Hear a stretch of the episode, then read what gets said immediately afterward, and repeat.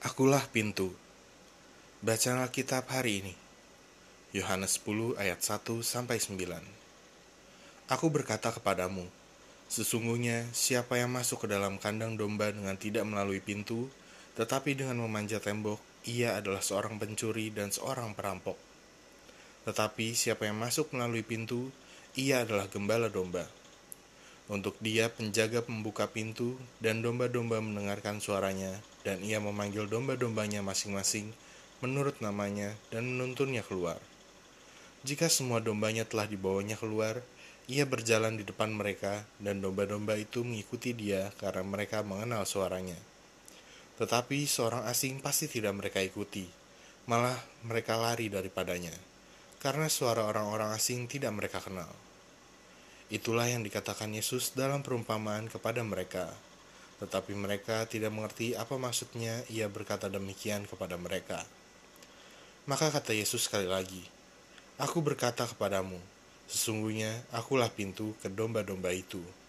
Semua orang yang datang sebelum aku adalah pencuri dan perampok, dan domba-domba itu tidak mendengarkan mereka. Akulah pintu, barang siapa masuk melalui aku, ia akan selamat, dan ia akan masuk dan keluar dan menemukan padang rumput. Ayat hafalan Yohanes 10 ayat 9 Akulah pintu, barang siapa masuk melalui aku, ia akan selamat dan ia akan masuk dan keluar dan menemukan padang rumput. Renungan inspirasi Akulah pintu adalah pernyataan ketiga dari tujuh pernyataan akulah yang terdapat dalam kitab Yohanes. Untuk mengerti konteks dari pernyataan Yesus, kita bisa terlebih dulu mempelajari latar belakang tentang pintu yang dimaksud oleh Yesus. Di zaman itu, domba-domba dipelihara dalam suatu peternakan yang dikelilingi pagar dengan sebuah pintu, agar domba-domba tersebut dapat keluar untuk mencari makanan maupun air dan masuk saat mereka kembali. Domba merupakan binatang yang mudah tersesat karena tidak mempunyai insting posisi seperti binatang lainnya yang dapat mencari jalan pulang. Karenanya, domba benar-benar hanya dapat mengandalkan arahan dari gembalanya. Kapan mereka harus keluar dari pintu tersebut dan kapan mereka harus kembali. Mereka sangat bergantung pada gembalanya. Melalui pernyataannya, Yesus ingin menyatakan bahwa ia adalah satu-satunya pribadi yang memberikan arahan yang benar dalam hidup kita sehingga kita tidak tersesat.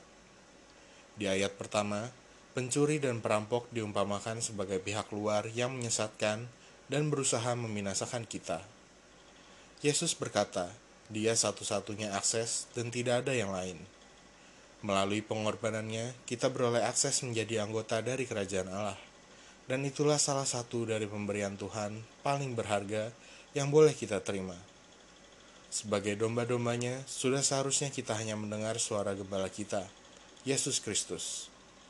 Maka dari itu, kita harus selalu dekat dengannya untuk dapat mengenal dan membedakan suara yang berasal dari Tuhan atau dari si jahat, dan membedakan mana yang baik dan yang jahat.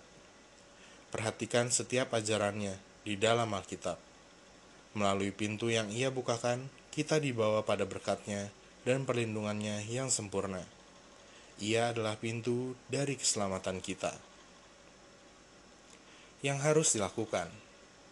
Menjadikan Yesus sebagai akses kepada kehidupan, dan bukan hanya datang ketika dibutuhkan. Setiap hari, datanglah kepada Yesus, hidup dalam keintiman, dan nikmati anugerahnya yang luar biasa. Refleksi diri Pertama, apakah Anda pernah lebih mendengarkan arahan dari dunia ini daripada Tuhan? Gue ulangi, Apakah Anda pernah lebih mendengarkan arahan dari dunia ini daripada Tuhan?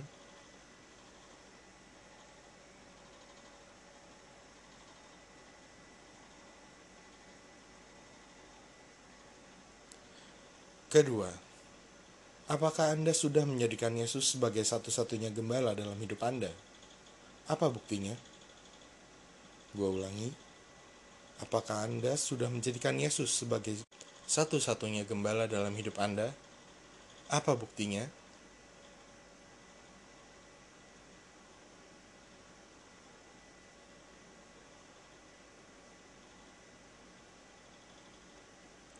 Hikmat hari ini Anda bisa mengetuk ribuan pintu, tetapi hanya ada satu pintu ke surga, melalui iman dalam Yesus Kristus. Jika Anda tidak masuk melalui pintu tersebut, Allah tidak akan membuka pintu lainnya bagi Anda. Charles Spurgeon Pokok doa Tuhan Yesus, terima kasih Engkau telah menjadi pintu yang membawa perlindungan, berkat, bahkan keselamatan dalam hidupku. Karena pengorbananmu, engkau menjadi pintu anugerah keselamatan yang kuterima secara cuma-cuma. Ajar aku untuk selalu bersandar dan dekat dengan engkau seumur hidupku. I mean.